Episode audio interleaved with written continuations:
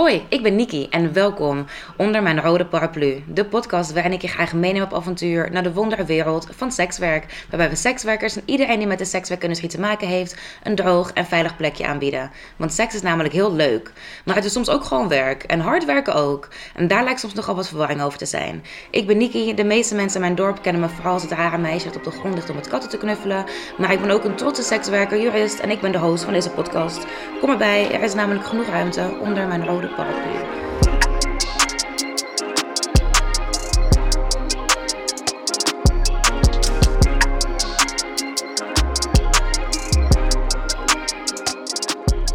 Vandaag is een bijzondere dag, want het is de allereerste aflevering van Onder mijn rode paraplu. Voor de allereerste aflevering wil ik graag beginnen bij het begin. In ieder geval bij het begin van sekswerk in Nederland. En in het bijzonder dan ook de niet weg te denken wallen in Amsterdam. En we duiken vandaag dus de geschiedenis in. En om geschiedenis een beetje leuker te maken heb ik vandaag Berna Meijer onder mijn rode paraplu. Berna en ik kennen elkaar al een jaar of vijf. Berna heeft bijna 20 jaar gewerkt bij het PIK. Ja, 18. 18. Vooruit. Uh, het, het prostitutie-informatiecentrum op de Wallen, waar wij elkaar ook hebben ontmoet. Berna is geboren getogen Amsterdammer en in haar tijd bij het PIK heeft ze honderden, dan wel niet duizenden tours en lezingen gegeven aan studenten, toeristen en geïnteresseerden van over de hele wereld. Berna is niet alleen de beste verhalenverteller die ik ooit heb ontmoet, maar ook iemand waarvan ik gedurende de vijf jaar enorm veel heb geleerd over de geschiedenis van sekswerk, interpersoonlijke relaties, hoe je met conflicten omgaat. Kortom, Berna is een bron vol wijsheid. En ik ben heel blij dat ze hier is om deze wijsheid met ons te delen. Berna, hallo. Hallo. Hoi. Berna, wie ben je? Wat doe je? En wat was jouw eerste herinnering aan sekswerk? Nou, ik ben dus Berna, Berna Meijer. Um, wat ik doe is uh, heel veel. Ik geef onder andere lezingen uh, en gastlessen over seksualiteit. Daar hoort sekswerk wat mij betreft bij. Um, genderdiversiteit, stigma. Um, ook uh, over nou ja, hoe dingen uh, in de hele jongere cultuur met seks en zo vinden volwassenen vaak lastig. Uh, ook wel weer grappig, maar ook lastig. dus daar geef ik dan lezingen over en lessen. Um, en aan uh, jongeren zelf. Daar hoef ik niet zo heel veel uit te leggen, maar dan is het meer, dan gaat het meer inderdaad over stigma en hoe ga je om met je eigen seksualiteit en um, kan je daar met mensen over praten, met elkaar in ieder geval. En hoe doe je dat dan? Hoe begin je zo'n gesprek? Dus daar gaat het dan meer over met jongeren. Maar ook heel veel aan volwassenen. Hè? Dus uh, hulpverleners, uh, ouders, um, mensen die voogd zijn leraren, um, eigenlijk iedereen die met jongeren te maken heeft, of jongvolwassenen, uh, iedereen die in aanraking komt met seksualiteit. Uh, en eigenlijk niet zo heel goed weet uh, hoe vroeger ging dat heel anders. Nou, dat soort dingen, daar, ga ik dan met je over in gesprek en hoe dat dan werkt. Um, ik geef natuurlijk ook nog steeds les en lezingen over de geschiedenis van de prostitutie uh, in Nederland. Tegenwoordig doe ik hem iets breder, want de geschiedenis vanuit de hele wereld is ook wel heel erg leuk. Ietsjes breder. Um, uh, en dat doe ik dan voor geïnteresseerden, voor mensen die dat gewoon leuk vinden, uh, hoe dat dan ging vroeger. dus dat is een beetje wat ik doe. Um, en mijn allereerste herinnering aan sekswerk, sorry mam. Het is, ja, oh, die ga je vaak horen, denk ik. Uh, ik denk dat, je, dat, dat heel veel mensen via hun ouders toch geïntroduceerd worden. Ik denk het ook wel. Ik denk het ja, echt. Ik ook. Ik, ja, Ja. jij ook. Ja, dat Ja. weet ik toevallig. Um, ik weet dat ik was een jaar of zeven, zoiets. En mijn moeder komt uit nogal een conservatief gezin. En zij was alleenstaande moeder met twee dochters. Uh, had zelf eigenlijk weinig tot geen uh, seksuele voorlichting gehad, maar vond dat zij dat moest bieden aan haar dochters, ondanks dat zij het woord seks niet eens hardop kon zeggen. Nou, goed streven. Ja, precies. Ja, uh, ja waren het niet dat mijn moeder die had het briljante plan bedacht uh, dat zij mij op mijn zesde, zevende jaar mee zou nemen naar de Wallen. Uh, met het idee, uh, dan uh, gaat ze heel bang worden en dan gaat ze gewoon dit nooit, gaat ze gewoon nooit meer iets met seks doen. Dat is dan gewoon jammer, dan is het gewoon klaar en dan hoef je ook niks meer uit te leggen, toch? Super handig. Goed plan. Goed Werkt plan, het niet? Nou, nou, wat mijn moeder vergeten was, Uh, want wij waren dus op de wallen en toen zei ze tegen mij: En ga nu maar vragen aan die mevrouw wat ze doet. En ik was dus een jaar of zes, zeven, iets in die richting, acht, ik weet het niet. En het was dus mijn moeder de idee dat ik dan dus heel erg bang ging worden voor die vrouwen. Ze had er alleen niet heel goed over nagedacht dat, nou je moet mij een beetje in gedachten nemen als zevenjarige. Ik was echt cute as a button, echt waar. Ja, weet je, een beetje chubby, uh, uh, twee paardenstaartjes, uh, sproeten. hartstikke leuk, schattig, gezellig meisje. Um, en ik sta dan. Ja, Wat doe jij dan? Ja, precies. sta ik dan voor je raam. Hallo. Nou ja, zoiets. En het enige wat ik me dus kan herinneren van die hele gebeurtenis is de prachtige lichtjes. Ja, dat is natuurlijk ook een beetje de kat op het spek binden, denk ik dan. Want ik zag alleen maar prachtig mooie, fonkelende lichtjes met hele mooie vrouwen overal. Ik heb volgens mij niet eens gezien dat ze in hun bikini stonden. En volgens mij, dat kan ik me helemaal niet herinneren. Ik kan me alleen maar herinneren dat iedereen heel leuk tegen mij was. En heel lief en heel aardig. En iedereen vond mij ook heel aardig. Ik denk dat daar mijn fascinatie met sekswerk begonnen is. Sorry mam, ik vrees dat jij het gedaan hebt. Ja, uh, ja het is een beetje wat het is. Dus ja, dat, dat was mijn allereerste ontmoeting met de Wallen. Ik vind het echt een, een bijzonder goede ontmoeting met de Wallen. Leuk hè? Ja, ja nee, heel leuk. Ja. Dankjewel voor het delen. En, en heb je... Uh, dus toen begon toen je fascinatie met, met sekswerk misschien wel inderdaad. Want je hebt toen uiteindelijk heb je ook wat had je gestudeerd? Ik heb culturele maatschappelijke vorming gestudeerd. Ja. Uh, en tijdens een van mijn jaren uh, werd daar um, de geschiedenis van de prostitutie in Amsterdam aangeboden als keuzevak. Um, en ik moet zeggen dat tussen die, mijn zevende jaar dat ik daar voor het eerst rondliep en nou ja, later tot zeker mijn veertiende of zo, er helemaal nooit meer zoveel bij nagedacht. Behalve dat als ik spijpelde, dan, wat best regelmatig was, gingen we naar de Wallen. Um, en ja, toen kwam dat keuzevak op mijn pad. En toen dacht ik, dat is wat voor mij. Dat ga ik doen. Nou ja, the rest is history. The rest is history. En heb je zelf ooit wel in sekswerk gedaan? Nee. Nee. nee. En hoe ben je dan bij het Prostitutie Informatiecentrum terechtgekomen? Um, door dat keuzevak ben ik, uh, ja, heb ik uh, het PIC leren kennen, het Prostitutie Informatiecentrum. Um, daar werkte Mariska Major en zij zocht toevallig. Het is echt toeval op toeval. Ja, nee, dat zeggen ze inderdaad. Want het is ook wel toeval op toeval op toeval op toeval. Uh, zij zocht iemand um, om haar te helpen met het uitbreiden van haar tours. En nou, toevallig was ik daar dus.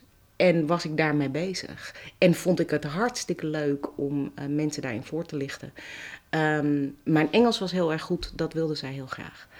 Ja, en ja, ja toen uh, wij, mijn sollicitatiegesprek was uh, bij de, de New King uh, in de Warmoestraat, gingen we samen eten, dat weet ik nog heel goed. En toen vertelde ik haar dus het verhaal van mijn moeder, wat ik net vertelde. En toen zei ze, oh dat is een briljant verhaal om mee te beginnen. Nou, en toen, toen was het beklonken, eigenlijk.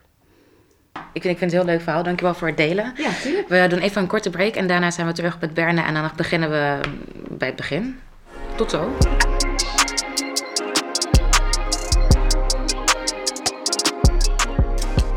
Hallo, we zijn er weer. Met Berna nog steeds. Hallo.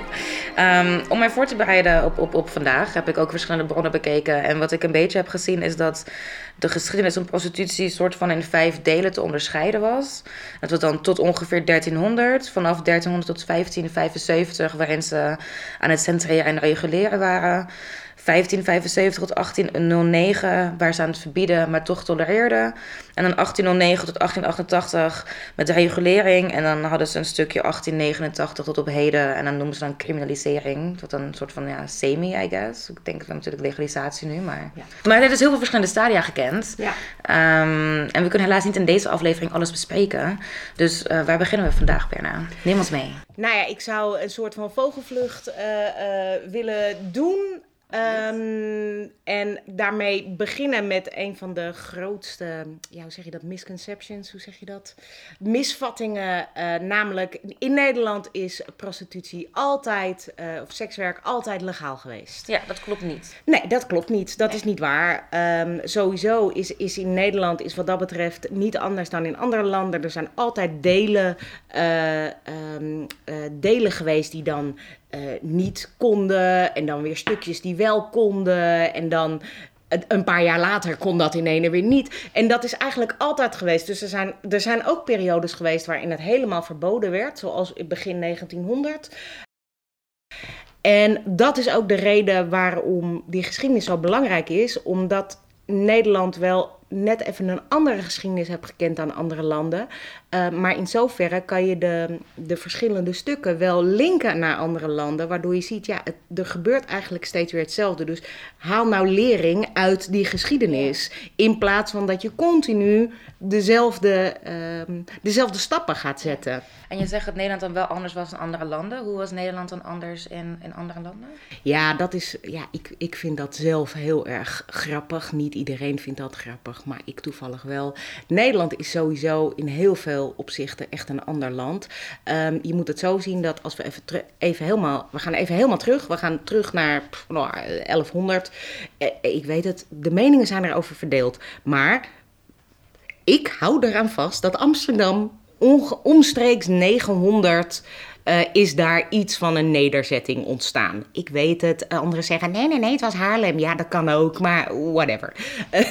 Kies er een. Ik kies voor Amsterdam. Sorry, ik ben een Amsterdammer. Um, dus was daar al iets van een nederzetting. Je moet het zo zien dat Amsterdam werd uh, dat heette toen trouwens Amsteldam. Uh, het werd uit, aan de monding van de Amstel werd daar iets van een nederzettingje gebouwd. Um, de reden dat het heel lang heeft geduurd dat Amsterdam echt tot stad werd, is omdat die monding van de Amstel Um, de Zuiderzee zat daar zo'n beetje aan vast. En de Zuiderzee was berucht qua woeste, wilde zee. Um, het dus die stad of die nederzetting werd steeds weggevaagd door het water. Uh, Nederland heeft natuurlijk op veel meer plekken een constant gevecht gehad met het water. Ja. Dat, en dat is wel een beetje een vrije interpretatie. Ik denk dat dat ook um, de, de, de letterlijk vrijgevochten cultuur heeft gevoed in Nederland.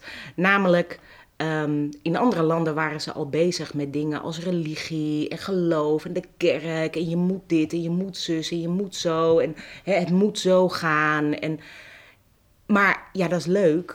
Maar wij waren aan het vechten met het water. Ja, weet je, ja, je, ja leuk, zo'n ja. kerk. Maar wat heb je eraan als die de hele tijd uh, weg, weg, weggevaagd wordt door het water? Dus wij waren letterlijk met andere dingen bezig.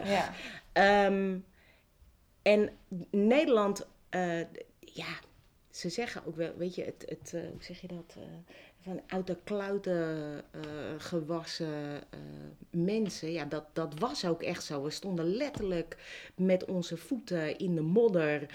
Iets met een plantje en dat ging niet. En dan gingen we het toch weer doen. En nou, toch maar weer een, muurtje bouwen. Terwijl dat zonk dan zo half in het moeras. Ik zie dat helemaal voor me. Die arme mensen, die hebben geploeterd. Echt niet normaal.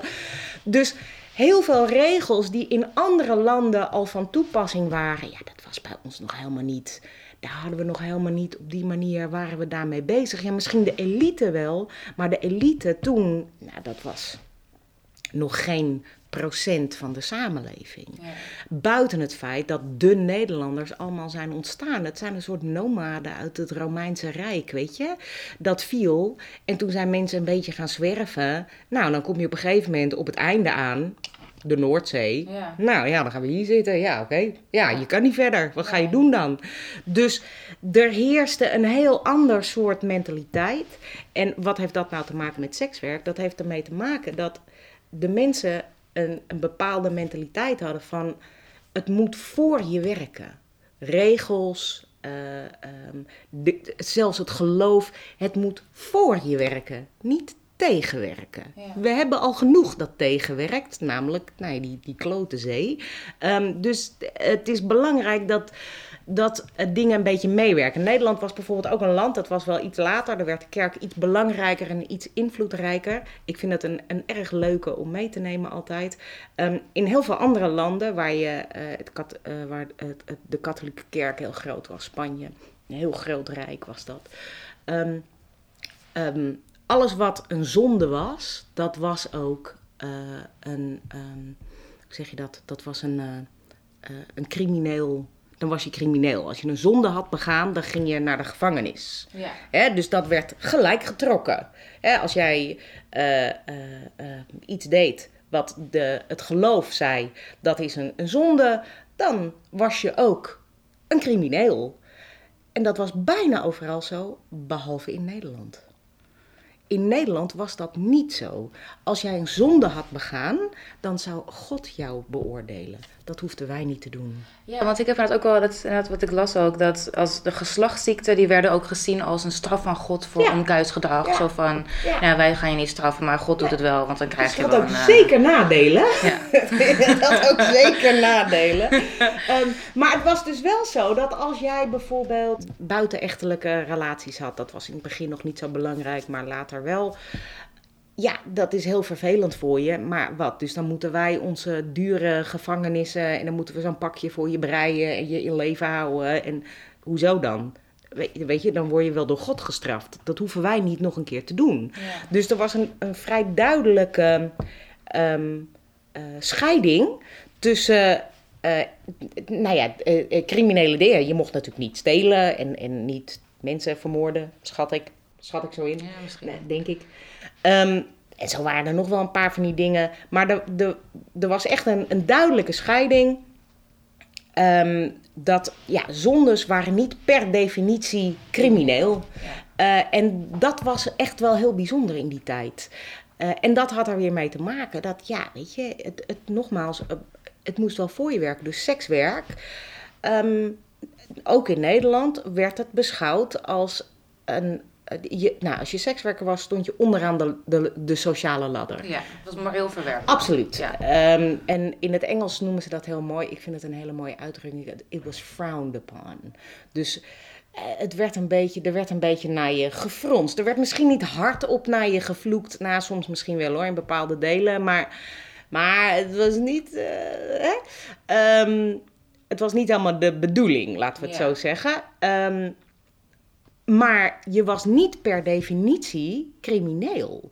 Dat kwam ook omdat sekswerk, vooral de stad Amsterdam, maar ook heel veel andere steden natuurlijk, ongelooflijk veel bracht. Met name rijkdom. Ja. Eh, en je moet het zo zien, ehm, Nederland was de flow eh, op de beer. De beer was de wereld en Nederland was dan dat vlootje. Ik bedoel, wij waren echt minuscuul. Wij waren een minuscuul klein land. Ja. Zijn we nog steeds, maar toen waren we alleen nog maar kleiner. En heb je je wel eens afgevraagd hoe het komt dat Nederland zo'n rijk land is geweest? Ja, handel. Daar waren we goed in, toch? Ja, onder andere. We waren onder andere goed in handel. Maar we Waar waren we nog meer goed in? Valspelen. Valspelen. Oh ja, nee, dat ook. Ja. Wij waren heel goed in valspelen.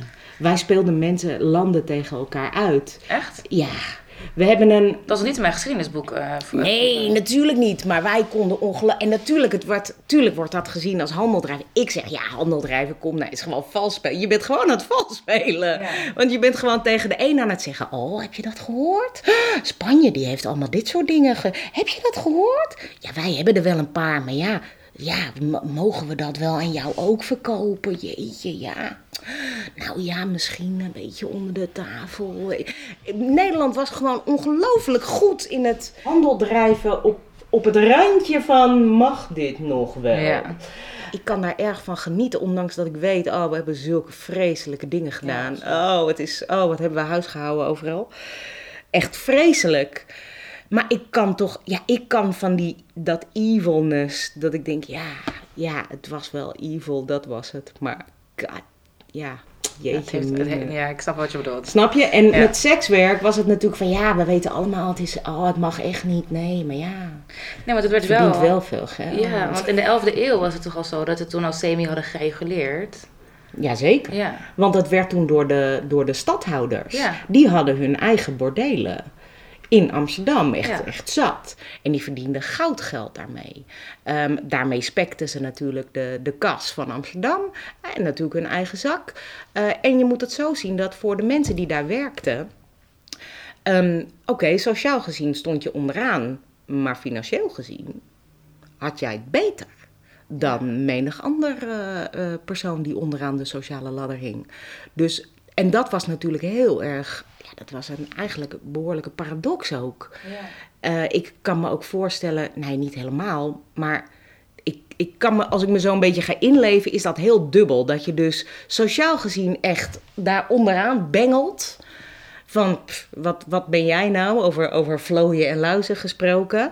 Terwijl financieel gezien Je misschien wel bovenaan stond. Ja. nou, misschien niet helemaal bovenaan, maar er was niet echt een middenklasse toen. Hè, want je had alleen Nee. maar de armen en dan En dat hele rijken. kleine stukje rijken. En ja, je hing er. Als er een middenklas was, dan was jij dat. Ja. Als sekswerker zijnde. Niet allemaal trouwens. Hè? Dat, hè, er was natuurlijk ook een grote soort van onderlaag. eh, die, die echt ook wel eh, in, de, in armoede leefde. Maar dat werd ook wel zo gehouden. Ik bedoel, in die bordelen, in die staatsbordelen, ehm, werden eh, jouw kleren afgenomen. Sekswerkers mochten alleen maar bepaalde soort kleren dragen. Die werden, eh, s ochtends werd dat afgenomen, zodat je niet weg kon lopen. Je schoenen werden afgenomen, zodat je niet weg kon lopen. Dus je werd ook wel daarin gehouden. Echt. Wat voor bepaalde kleding moest je dan dragen? Dus terwijl je aan het bordeel aan het werk was, bedoel je? Dat je dan moest je... Nee, nee, nee, in, in de maatschappij. Oh. Je mocht dan wel sekswerker zijn, Ja. maar je mocht bijvoorbeeld geen, eh, wat was het ook weer, Eh, vrouwen die veren droegen. Je kan het nu nog steeds zien als je kijkt naar eh 15, 16, 17e eeuwse kunst. En je ziet bijvoorbeeld vrouwen met, met veren in hun haar of in hun hoed. Ja, dat zijn 9 van de 10 keer sekswerkers. Ehm, dan heb je. ehm, ehm, ze mochten volgens mij geen fluweel dragen of geen kant. Een van die twee. Ja, kant wel, maar fluweel volgens mij niet. Dat werd bewaard voor de gegoede eh, eh, dames, hè, de eerbare vrouwen. En zo waren er nog meer eh, kledingstukken die ze wel of niet mochten dragen. Heel veel vrouwen in die tijd mochten niet een te laag decolleté. Terwijl dat mochten sekswerkers, mochten dat wel. Dus er werd gewoon eigenlijk aan het een onderscheid gemaakt op basis van kleding. Dat je, en, maar je kan dan toch ook als sekswerker zijn, dan kon je dan toch gewoon zeggen van ik ben nu niet aan het werk. Ik loop nu gewoon naar de markt toe. Ik ga lekker een fluweeltje aantrekken en ik doe mijn veer af. Nee. Want iedereen wist dat jij toch wel een, een, een sekswerker Ja, was. dan. en het was ook niet... Kijk, als jij werkte in zo'n bordeel... en dat, dat was vroeger... eh, was dat wel zo. Ehm, ja, vrije dagen had je niet, hè? Dat was Nee, dat niet ook helemaal... En dat was ook... Maar dat was niet alleen bij een bordeel. Dat was... Iedereen. Ja, dat, dat, ik bedoel, we deden niet aan weekend, een, een weekend, een vijfdaagse werkweek. Wanneer is dat ingesteld? Weet ik veel, honderd jaar geleden? Nee, ja, nee, volgens mij de misschien. evolutie volgens Ja, iets mij, in die richting. Ehm, en daarvoor, ja, je werkte gewoon totdat je de do- dood bij neerviel. Dat was een beetje, een beetje wat het was. Ja. Dus, dus je had dan de, de, de bordellen die werden gerund door de stadshouders. Ja, toen wel. En was dat de enige plek waar sekswerk gedaan werd? Nee. Was ook iets van straatprostitutie? Oh, dat? oh, dat was eigenlijk het grootste gedeelte. We doen even een korte break en daarna zijn we met Bernard terug over straatprostitutie in de Yes. middeleeuwen.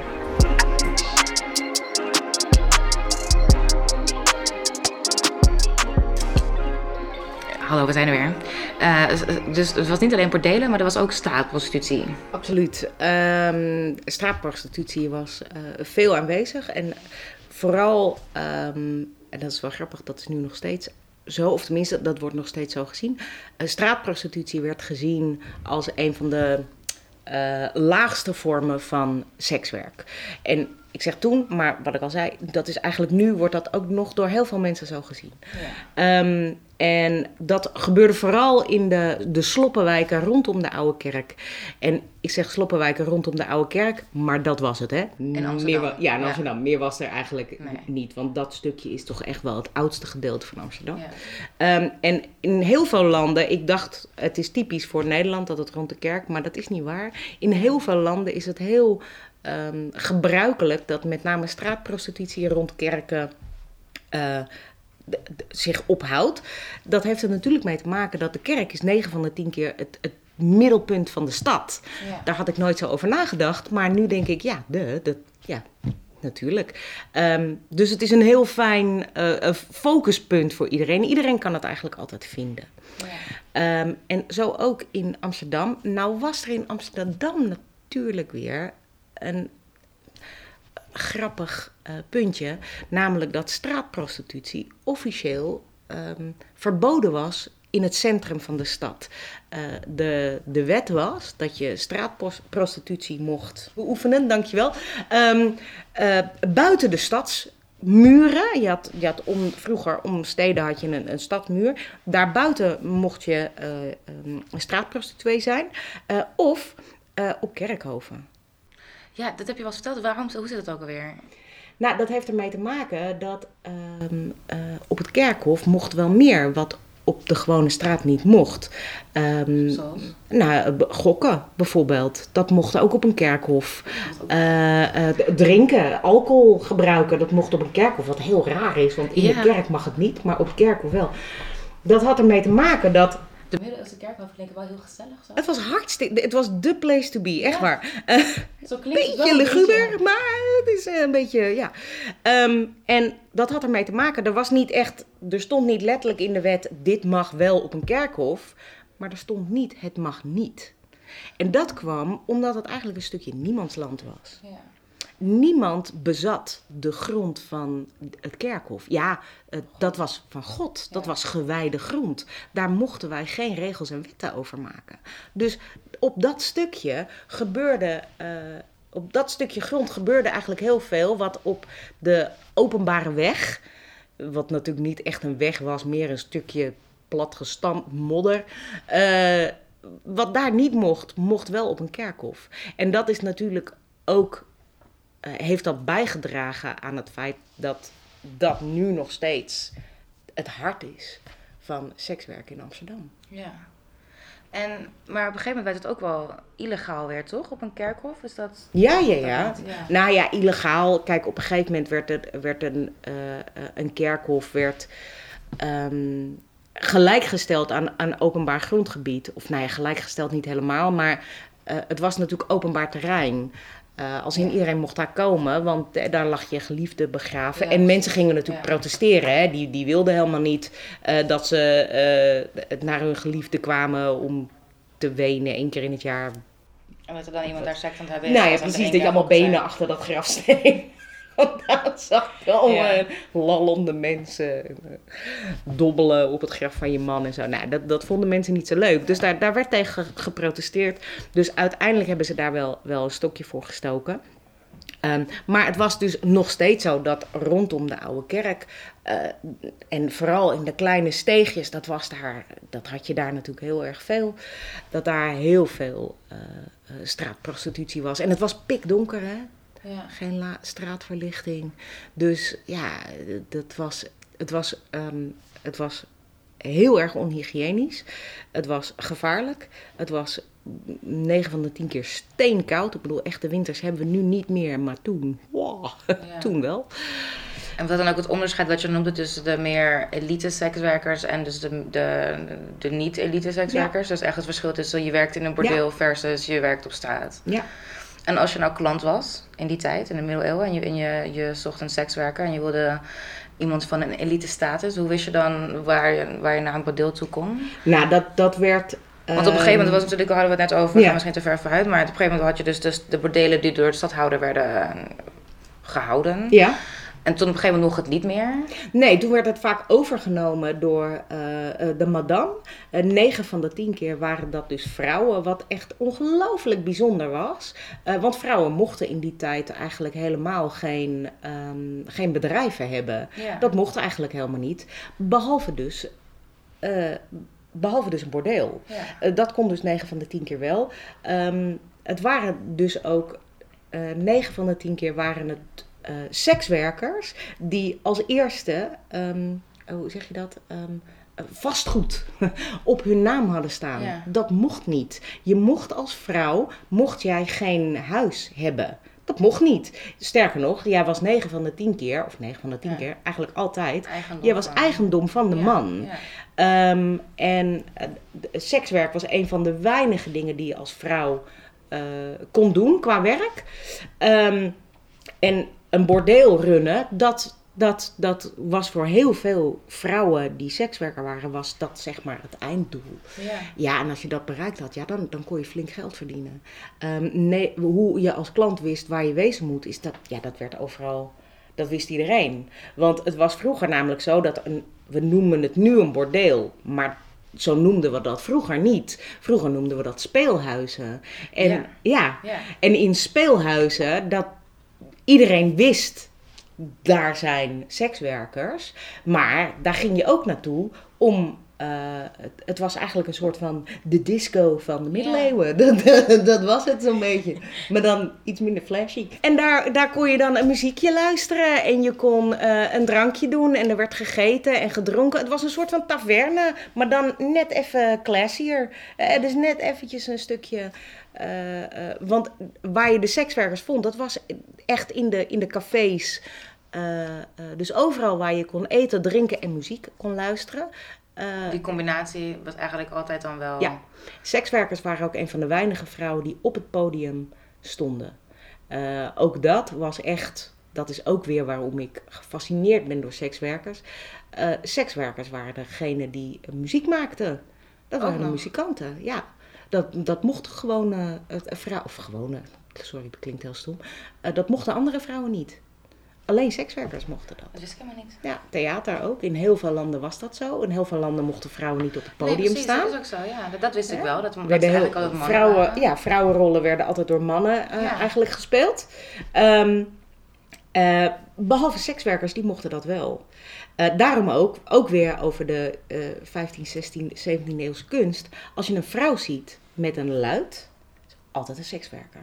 Daar kan je 100% zeker van zijn, is een bordeelscène. En daar heb ik wat ruzie mee gehad over met, met Ja, ja. van het museum. Want er waren dus wel bepaalde regels rondom sekswerk en waar het dan wel mocht en Mhm. niet. En, en ik heb bijvoorbeeld ook gelezen dat eh, het verschilde een beetje per, per eeuw waar je in zat. Maar Mhm. dus rond eh 1478 ongeveer, laten we zeggen, waren de straffen voor hoeren die gestelde regels overtraden waren dan openlijke tekijkstelling, Ja. verbanning of blijvende verminking bij voorkeur in het gezicht. Ja, Ja. Eh, nou, die blijvende verminking die is niet zo heel vaak voorgekomen. Ja. Eh, nee, dat heeft ermee te maken dat sekswerk gewoon ongelooflijk veel geld in het laadje bracht. Eh, dus er waren altijd wel, ook in, ook, eh, in tijden dat, eh, dat het niet verboden was, zaten er altijd wel regels aan vast. Hè? Dat, Ja. de- ook daar is Nederland heel goed in. regels. Eh, ja, regels. Ehm, en ook daar zit weer een verwarring in dat mensen denken: oh, kijk, ons eens even goed zijn. Weet je, we hebben dat allemaal goed gedaan. Nee, regels zijn nodig, want daarmee kan je alles inperken. Ja. Eh, Het is een Controle bepaalde. Het is controle, Ja. dat is wat het is.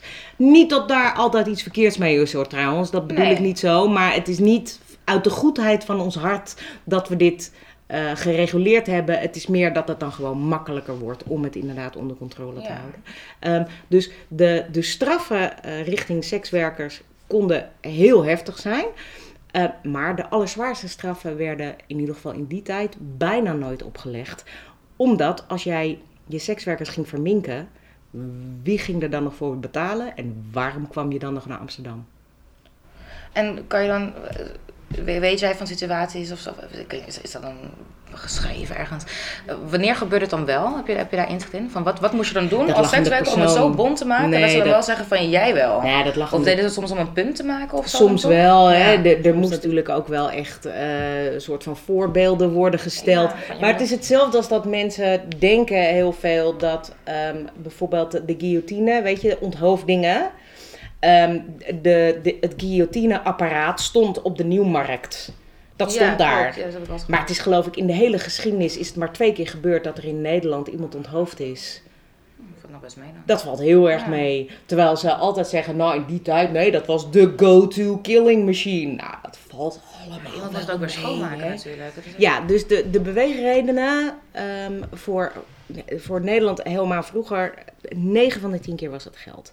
Ehm, en dat komt natuurlijk omdat wij zo'n klein land waren. En je kon alleen maar meedoen met de wereld als je dat kon betalen.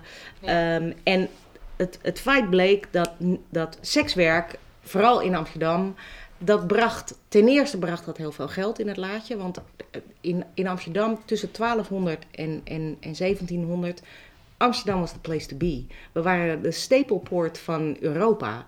Eh, de- terwijl Amsterdam was echt, oh ik wijs het nu aan, maar dat zien jullie niet. Het echt, echt een speldenprikje op de kaart. Het was echt Ja. ongelooflijk. We, we waren wat, vier straten. Nee, maar het viel me nog op, want ik, ik weet niet wanneer dat was, maar op enig moment was het ook al wel. eh, Dat was weer aan 1600. 1675 hadden Amsterdam minstens 18 speelhuizen, 67 huizen van Ja. hoerenwaardinnen.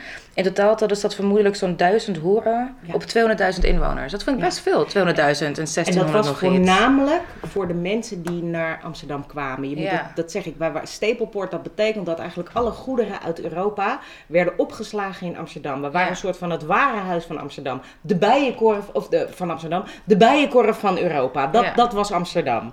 Dus al die schepen die kwamen naar Amsterdam. Vroeger, als jij op vanuit, weet ik veel, Indonesië met je spices en, eh, en, en whatever naar, naar Amsterdam vaarde, dan was je niet een dag onderweg. Nee. De- gewoon maanden. Nee, maar Nee. toen was je echt maanden Ja. onderweg. Echt, echt maanden. En je, je kwam gewoon met z'n dertig of zo, weet ik veel, hoeveel gasten op zo'n schip zaten. Dat weet ik niet precies. Maar dan kwam je eindelijk kwam je aan in Amsterdam, de plek waar je, waar je wilde eh, zijn. Nou ja, en het eerste wat je wilde, eh, dat was eh, eten. Dat was slapen in een bed dat vast stond op de grond. Dat niet hing in een ruimte met nog dertig snurkende, zwetende andere gasten. Met geiten en, en, en bier en rum en weet ik veel wat er allemaal rondliepen. Ratten en honden en nou, noem het allemaal maar op. Super goor was dat natuurlijk op die schepen. Dus je wilde slapen in een vast bed op de grond. Je wilde eten, goed eten. eh, en je wilde gezelschap. Eh 9 van de 10 keer eh, van een vrouw. 8 van de 10 keer van. 7 van de 10 keer van een vrouw. Ehm, ehm, want mannenbordelen waren er natuurlijk ook. Daar heb ik helemaal niks over gevonden. waren die er dat is ook? moeilijk. Absoluut. Absoluut. Zeker dat die er waren. Eh, dat was een stuk moeilijker. ehm, nou, het was niet moeilijker te vinden, maar het werd minder. ehm, hoe zeg je dat? Groot uitgemeten. Hè? Ja. De, Eigenlijk een beetje ook zoals nu dan. In ja, bepaalde zin. ja, in een bepaalde zin wel. Want we hebben het nu ook altijd, als we het over sekswerk hebben, gaat het altijd over vrouwen. Terwijl er ook heel veel mannen zijn die Maar sekswerk eh, ja, mannenbordelen. ehm, de moraal was wel. Het was een ongelofelijke dubbele moraal. En ik moet altijd heel erg denken: er is één schilderij. Het is echt jammer dat we het niet kunnen laten zien. Eh, ik laat hem wel altijd zien tijdens lezingen. Het is een vierluik. Ik weet even niet meer van wie, maar het was een een of andere Nederlandse. Eh, schilder. Eh, en het, het is fantastisch. Het is een, een vierluik. Het speelt zich geloof ik af eh, omstreeks 1500. En het is een feestje. En het is heel grappig. Toen speelden we dus ook al backgammon. Het is echt heel grappig, want dat zie je dus op dat schilderij zit iedereen keurig netjes met een glaasje wijn te backgammonen. Hartstikke leuk. Ja, echt wild. Nou, het feestje in de tweede, eh, eh, tweede schilderij wordt het feestje al iets losser. Hè, zijn de backgammonstenen die zijn al een beetje op de grond gevallen. De wijn vloeit iets rijkelijker. Mensen gaan al staan.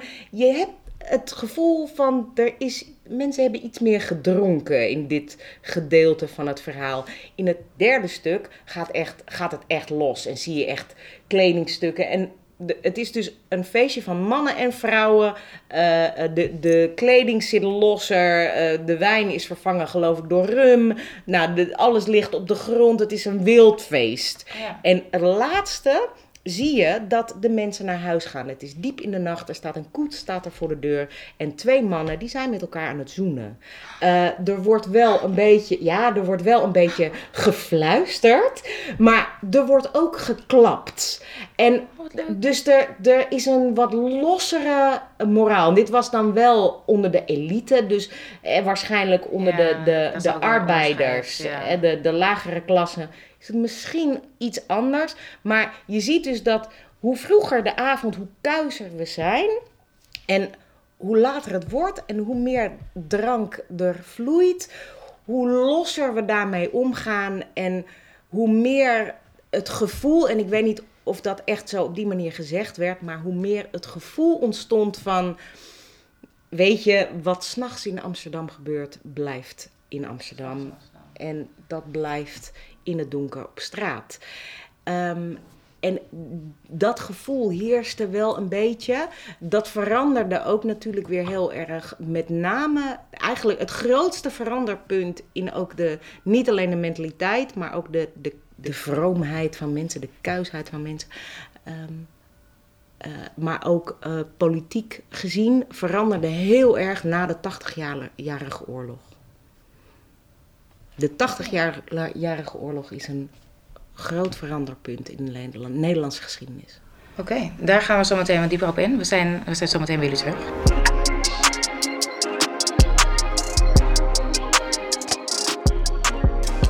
De, de 80-jarige oorlog. Ja, veranderde ja, alles. ja. Wat gebeurde er dan in de, in de, tijdens de 80-jarige oorlog? Of daarna? Nou ja, Tijdens de- daarna? kijk, de, de 80-jarige oorlog was de oorlog tussen eh, Nederland en Spanje. Ja. Eh, Nederland speelde prikje, Spanje zo groot. Ik wijs het weer aan, zien jullie niet, maar echt gigantisch. Ehm, als in balls of steel, degene die dat, eh, eh, die dat gaat doen. En dat was natuurlijk Willem van Oranje, want die was pissed off. Want al die Spanjaarden die kwamen en die namen allerlei taken in van de Nederlanders. En hij was gewoon pissig en hij dacht, ik ga gewoon in oorlog met Spanje. Dat zeg ik heel kort door de bocht, hè, want er zit natuurlijk allerlei... Ja, hè. Ehm, en ehm, er is no way dat een land als Nederland een oorlog van 80 jaar kan financieren zonder failliet te gaan. Nou, dat, dat kan gewoon niet. Dat nee, is maar dat is ook no inderdaad, Als je way. gaat kijken van de financiënstandpunt. Ik heb er 80 nooit over nagedacht, maar dat kost klauw van het geld. Ja man, de Tweede Wereldoorlog was vijf jaar. Dat hebben, heeft ons al... eh, dat- nou, dat was echt ongelooflijk. En dan heb je de Eerste Wereldoorlog. Die was wat, twee jaar, drie jaar? Ja, ook zoiets. Nou, dat, is, eh, dat kost klauwen voor het geld. Dus hoe hebben we dat in vredesnaam 80 jaar volgehouden? Nou, Oeh, nou vals spelen. wat Eh, ja, we hebben natuurlijk vals gespeeld. Eh, wij waren dus. Wat, we, waar we bijvoorbeeld heel erg goed in waren, eh, is grappig, heeft niet zoveel met sekswerk te maken, maar is toch wel grappig om te vertellen. Ehm, in Spanje eh, werden bijvoorbeeld Joodse minderheden heel erg door de Spaanse Inquisitie ehm, verbannen. Eh, maar daar had je natuurlijk ook rebellen die daar dan weer tegen ingaan. En wat wij deden is wij kochten de rebellen om om te vechten tegen de Spanjaarden, tegen de Spanjaarden om spullen van ze te stelen. Ehm, die brachten ze dan weer naar Amsterdam, want wij waren de, de, de stapelpoort, hè, de, de bijenkorf van Europa. En dan gingen wij terugverkopen aan eh, de Spanjaarden. Dan gingen we dus hun eigen gestolen waar terugverkopen aan de Spanjaarden voor heel veel geld. En En tijdens dus die oorlog. tijdens die oorlog. En dat was soort van een, een, een, een, een hele stabiele financiële stroom. Dus wij jatten spullen, of wij lieten spullen jatten van de Spanjaarden door groepen die hun eruit wilden zetten. Dus die groepen die wilden wel met ons samenwerken, die wilden dat wel doen, die vonden dat wel stoer. Daardoor kregen wij natuurlijk ook heel erg de de status van, kijk eens hoe ongelooflijk goed wij zijn. Wij helpen de, De ja, de rebellen, maar ook de, de minderheden Ja, van de wereld was heel goed van Ja. ons. Maar ja, en, en tuurlijk, ehm, het, het was echt eh, eh, voort wat. Eh, hoort wat, hè? Ja. dus de, wij moesten daar wel wat voor terugkrijgen. Het heeft ons nog iets heel goeds bra- gebracht, namelijk bij de val van Antwerpen. Ehm, Spanjaarden die, die rukten op en die hebben op een gegeven moment Antwerpen ingenomen. En daaruit vluchten, eh, geloof ik, iets van 19.000 prominente eh, Belgische burgers. Van allerlei culturen, van allerlei geloven. Maar dan hebben we het over kaartenmakers, eh, eh, wiskundigen, eh, de- de- diamantslijpgasten. eh, allemaal belangrijke mensen eh, die handig zijn voor je economie, die handig zijn voor je maatschappij. En ehm, wat deed Amsterdam? Die zei: Kom maar, wij vangen jullie op. Kom maar naar de veilige haven van Amsterdam.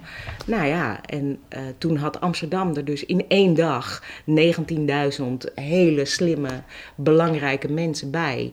Die aan de kant stonden van Nederland. En dat is natuurlijk, dat kon Nederland dan ook weer goed. Die kon daar heel goed in, zich heel goed in schipperen. En sekswerkers speelden daar een belangrijke rol in. Want ook die zijn natuurlijk heel erg goed in het eh, huil maar uit op mijn schouder. Ach, hè, kom, maar, kom, maar, bij- kom maar tegen moeders boezem aan. Hè, eh, da- daar zijn sekswerkers natuurlijk ook weer heel erg goed in om mensen vooral heel erg welkom te laten voelen. Eh, en wij hadden er heel veel. Ja. Ehm, en dat is ook logisch, want dat is ook één van de redenen waarom mensen graag naar Amsterdam kwamen. Dus zo zijn wij die 80-jarige oorlog doorgekomen. Niet alleen daardoor, hè. we hebben ook nog wel wat gevochten hier en daar. Ook nog wel heel veel verliezen geleden. Maar na die 80-jarige oorlog, wij hebben die oorlog, nou ja, gewonnen is een groot woord, maar we zijn niet ten, onder gegaan. En Spanje heeft het uiteindelijk na 80 jaar opgegeven. Ehm, dat was een grote overwinning voor Nederland. Maar toen wilde Nederland ook heel graag een eigen identiteit. Ja. En dat moest dus radicaal anders dan hoe het was. En toen kwam dus de tijd van de reformatie. Dat betekent dat het geloof heel erg de, de boventoon uh, ging voeren. Kuisheid werd ongelooflijk belangrijk. Uh, dus de bordelen die werden um, aan banden gelegd. Um, sekswerk werd aan banden gelegd. Uh, de, de vrijheid van de burgers werd uh, ongelooflijk aan banden gelegd. Um, dus de, de, regels werden veel, veel, vele maten strenger. De beruchte bloedraad, waarvan iedereen, waarvan Amsterdam nog steeds ontkent dat die ooit bestaan heeft. dus de, legende gaat dat die toen werd ingesteld. Um, de bloedraad zou een. De, de, meningen zijn daarover verdeeld, maar het zou een, een, een, raad zijn die zou beslissen of jij de doodstraf zou krijgen of niet. Um, maar dat zeg ik, Amsterdam heeft altijd ontkend dat de bloedraad bestaan heeft. Uh, de bloedstraat. Op de wallen. Ja, op de wallen. De mythe is dus dat daar de bloedraad zat, het pand van de bloedraad. En daarom heet de straat de Bloedstraat. Maar dat kunnen we dus niet uh, achterhalen. Daar zijn geen uh, bewijzen van. Dus na die, die periode werd alles ongelooflijk streng. En na die periode is ook echt sekswerk ongelooflijk aan banden gelegd. Maar was het ook al niet tijdens die periode? Want als die 80-jarige oorlog eindigde in 1648. Want ik had ook gelezen dat rond 1578 uh, het was tussen 15, nee, het was misschien maar twee jaar dan weer, omdat alles soms echt een jaartje of twee ja. dan ging, gaande was. Maar we zaten dus 1578 en 1580, dat Amsterdam toen ook had besloten opeens van, al die hoeren doen we niet meer, uh, mag allemaal niet meer. Maar dat het dus wel alsnog het was strafbaar, maar het werd dan toch wel toegelaten dan kennen. Nou, het, maar dat is, dat is al heel lang zo geweest. Hè? Dat het dus wel, um, strafbaar niet, maar uh, tijdens de 80-jarige oorlog was het niet strafbaar. Um, maar er waren dus wel weer regels over. En het was niet strafbaar omdat uh, sekswerk tijdens met name uh, in het leger, en dat is trouwens wereldwijd zo, hebben sekswerkers een ongelooflijke belangrijke rol altijd gespeeld. In Amerika bijvoorbeeld, tijdens de onafhankelijkheidsoorlog, had je de zogenaamde Soil Doves. En de Soil Doves was een soort van onderdeel van het leger. Dat waren sekswerkers die mee moesten met het leger als een soort van troostmeisjes. Maar ook 9 van de 10 keer als eerste linie, want de vrouw slag je niet af. Oh. Ah, gebeurde natuurlijk, die slachten je natuurlijk wel af, want dat boeide het verder. Maar dat was dan zeg maar het idee. Ja, nee, dat boeit wel. Nee, zo bedoel ik dat niet. Nee, uh, sorry, nee. Nou, hè? snap je? Nou, ja. je snapt. Jij snapt me. Ik snap, ik snap De mensen me snappen, weet ik niet. maar het, het kwam er heel vreed uit, maar zo bedoelde ik dat niet. Um, maar, uh, dus die, die werden uh, daar ook heel erg uh, tegen gebruikt.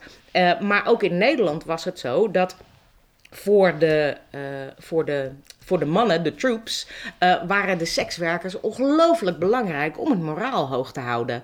Uh, daar zat wel gelijk weer een, ja, hoe zeg je dat, een andere kant aan. Namelijk dat uh, SOA's natuurlijk, ja, dat was een beetje een dingetje. Ja. Ik bedoel, uh, er is een, uh, wanneer was dat? Was dat rond 1700, iets in die richting? Is er een, een SOA-uitbreek, uitbraak geweest? Ja, die bijna, half, mij, die bijna half Europa omzeil heeft ja, gebracht. Syphilis, ja, maar precies. Syphilis inderdaad, die ging lekker tekeer. Nasty little bugger. En is het ook inderdaad niet zo dat tijdens oorlogen sowieso sekswerk vaak wel een ding is wat gewoon flourished, wat het Nederlandse ja. woord. Gewoon, eh, want ja, juist als mensen wanhopiger en, en bang zijn, et cetera, dan wil je juist die afleiding daarvan. Dus ik kan me dat heel goed voorstellen tijdens die 80-jarige oorlog sekswerk als een hazende ja. liep eigenlijk. En niet als, alleen, als industrie. Ja, en niet alleen bij de, de mensen in het leger. Ik bedoel, er zijn ja. sommige sociologen uh, die uh, verklaren. Ik vind ik vind dat ook weer een fascinerende. Je kent de flight, freeze or fight sequence. De drie F'en? Nee. Dat in tijden van, van stress of, of angst Oh, bedoel heb je, je je ja. flight, Freeze. freeze of, fight, fight, ja, eh, ja, response. Ehm, maar er zijn sociologen die zeggen nee, daar zit nog een vierde bij. Fuck. Al- in tijden van angst en nood eh, willen mensen eh, dus je voortplanting, eh, je voortplantingsdrang. tuurlijk, eh, ehm, Om om je genen te, voor te zetten. Ja, en je ziet het dus vooral bijvoorbeeld ook heel erg bij, eh, bij, bij eh, primates, eh, eh, bij mensapen zie je het dus ook heel erg dat in tijden van, van oorlog of onrust in de groep wordt er ongelooflijk veel geneukt eh, in, de, in, de, in de groep. Dat is echt, wauw, eh, gaat als een tierenlier. Eh, en er zijn dus, en ja, ook dat, ik ben geen socioloog, dus ik kan dat niet... eh, ehm, ik heb daar geen hard bewijs voor. Maar ik vind hem wel, ik vind hem wel heel leuk om mee te nemen. Dat ja, fight, freeze, eh, flee or fuck. Ik vind hem wel een grappige eh, als je er zo over nadenkt. Ja. En, en Ja, dat, dat zie je natuurlijk wel vaker. Dat in tijden van nood mensen eh, eh, eh, seks, maar ook eh, liefde, intimiteit, eh, op welke manier dan ook, eh, aangrijpen om zich ergens doorheen te slepen. En dat is natuurlijk tijdens een oorlog ook zo. Ja. En het jammere hiervan is, is dat daarna dus de, de, de teugels Ja. gigantisch strak werden aangetrokken. En vooral de Amsterdammers hadden daar dus ook heel erg moeite mee. Ja, dus verbaasde mij ook wel op zich dat Amsterdam wel een van de voorlopers was, wa- die het juist veel strenger wilde doen. Dus na de 80-jarige oorlog, toen Ja. werd alles werd gereform- gereformeerd. En alles moest strenger en kuiser. En wat Ja. gebeurde er toen? Nou, vooral de elite eh, wilde dat natuurlijk heel erg. Om zich maar heel erg af te zetten van de tijd daarvoor. Ja. Ehm, en, en om echt een, een soort van eigen identiteit te kweken. Ja. Wat natuurlijk weer heel erg bijzonder is. Want volgens mij hadden we al een behoorlijk eigen identiteit. Namelijk een, een behoorlijk vrije, eh, vrije maatschappij die daar heerste eigenlijk. Maar het was ook wel de wet van de sterkste. Dus het was ook keihard. Ehm, er waren heel veel vrijheden. Maar als je viel, dan viel je. En er was niemand om je op te rapen. Dus vanuit die, die, die strenge ehm, regels zijn ook weer allerlei dingen voortgevloeid. Als in ons gevangenissysteem veranderde toen heel erg. Want wij vonden dat je mensen niet meer, dat, dat vonden we daarvoor al, maar dat werd toen nog sterker ingezet. Ehm, je moet mensen niet eh, gewoon veroordelen, nee, je moet ze heropvoeden. Dus de heropvoedingsgestichten werden veel. ge- Het spinhuis, het, het, Ja. het rasphuis. Het spinhuis, daar ging je dan als sekswerker naartoe. Want dan moest jou geleerd worden hoe jij een eerbare vrouw werd. Dus eh, de, de hele sociale grondslag. De zendelingen naar, naar, naar Afrika, maar ook Indonesië. ehm, eh, om, om het geloof daar te promoten, zeg maar. Een beetje te, te... En dat, dus het heeft nadelen als in, ja, je ziet dat toch wel vaker, denk ik, door de geschiedenis van ongelooflijk vele landen, dat eerst die regels heel scherp werden, maar dat daar toch weer de grondslag van een aantal ja, eh, eh, belangrijke zaken die later in de, eh, in de geschiedenis weer terugkomen, of die later in een, in een land worden voortgezet, zoals onze sociale inslag. Ik bedoel, hè, hoe wij bijvoorbeeld het gevangenisleven hebben in, ingesteld. Je, je kan er. ehm, eh, je kan er voor of tegen zijn, maar of je eh, in Amerika in de gevangenis zit of hier. Of dat je in, eh, ergens in het Midden-Oosten in de gevangenis zit of hier.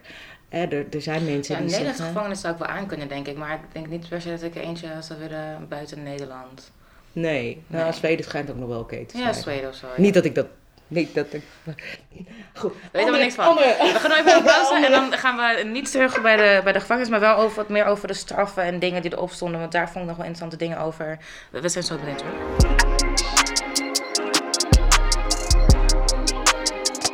Hoe En- aan de front? Hoe aan het front? Oh, dat is dat kunnen we Mooi, hè? Ja. Eh, we zijn er weer en we, we hoe aan het front. Want Ja. hoe ging dat ook weer als de, hoe, hoe ging dat vroeger met tijdens oorlogen? En je had dan van die de Ladies of Soil. De soil Doves. De. Soil Doves, was Zo het. noemden ze dat in, eh, eh, in Amerika. Hoewel de, de onafhankelijkheidsoorlog natuurlijk veel later was, is het wel, ik vind het een, een mooie term eh, voor de, de dames aan het front.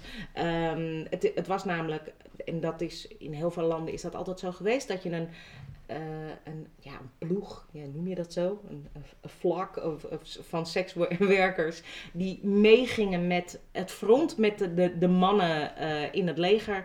Eh, en die waren daar ja, een soort van troostmeisjes.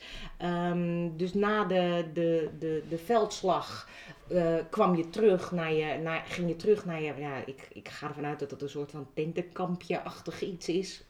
Ehm, en de sekswerkers waren sowieso ook dan degene die, die eh, kookten voor de mannen.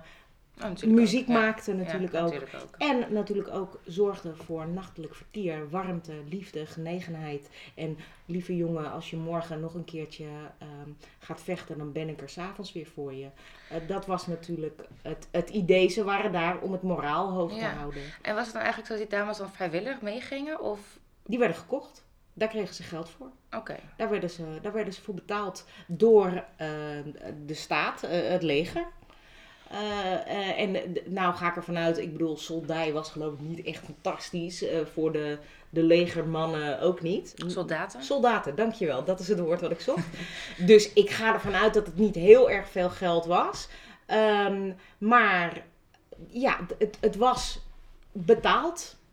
In zoverre, goed, je moest er altijd natuurlijk maar een beetje... eh, want de vraag of je ooit terugkwam... eh, ja, dat- vraag, Dat, ja. was een grote vraag, want je werd ook wel vaak ingezet als een soort van frontlinie. Ja. De- het idee was dan toch dat, je, eh, dat vrouwen niet. Eh, dat je een vrouw geen geweld aandeed. Dat, zeg ik, dat klopt natuurlijk niet helemaal. Nee, nee. Maar dat was dan het idee. Dus je werd ook wel gewoon ingezet bijna als een soort van menselijk schild. Dus ja, of je echt terugkwam. Volgens mij had je net zoveel kansen als de soldaten. En soms werd je natuurlijk ook als zo'n kamp werd ingenomen door de vijand. Ja, dat, nou, dan was je nu Frans. Ja, of ja. eh, ja, Spaans. en dan, ja, Spaans. Dus dat, dat, da- daar zaten grote risico's aan. Ja. En die 80-jarige oorlog, is eigenlijk een heel toonaangevend iets geweest voor sekswerkers in Nederland. Omdat Ja. het daarna... Ja, nou ja, de, de, ik noem het altijd de, de grote omslag eh, binnen eh, de Nederlandse geschiedenis. Vind ik, als het gaat om, om, om sekswerk en regelgeving, eh, dat is vlak na de 80-jarige oorlog. Toen begon, eh, nou ja, het grote reguleren. Het grote reguleren. Mooi hè? Ja, dat, ik vind het echt heel spannend. Ja. Ik- zoals ik in het begin al zei, gaat het niet lukken om alles in één aflevering te doen. Dus we, gaan, we- komen gewoon nog een volgende aflevering weer terug bij Berna. En dan gaan we het hebben over de grote verandering en het reguleren. Het grote reguleren. Het grote reguleren. Nederland en het grote reguleringsverhaal. Eh Berna, dankjewel voor het delen van, van al deze verhalen. En dan zien we je eh, hopelijk snel weer terug. En dan gaan we verder met het grote, grote reguleringsverhaal. Leuk. Dankjewel. Hey, waar kunnen mensen meer over jou vinden als, eh, als ze meer van jou willen vinden? En ze kunnen geen genoeg van je krijgen natuurlijk. Eh, nou, je kan mij in principe eh, een mailtje sturen. bernemeijer.gmail.com En als er zo'n lezing die jij in het begin noemde, je geeft, lezingen, et cetera. Als ze Ja. daarvoor willen inhuren, dan kunnen ze je ook mailen. Stuur me een mailtje. eh, ehm, eh, eh, zoek me op op Facebook. Dat kan ook. En Meijer met M-E. Lange I E R. Kijk, dankjewel. Dat is hem. Dankjewel, Allemaal kleine letters aan Ja. elkaar. Niks geen moeilijk. At gmail.com. Ja. En Ehm, en mocht je zelf ook nog leuke feitjes kennen over, over, over een geschiedenis, sekswerk, situation, dan horen we ze heel graag. En, en dankjewel voor het luisteren. Tot ziens. Doei.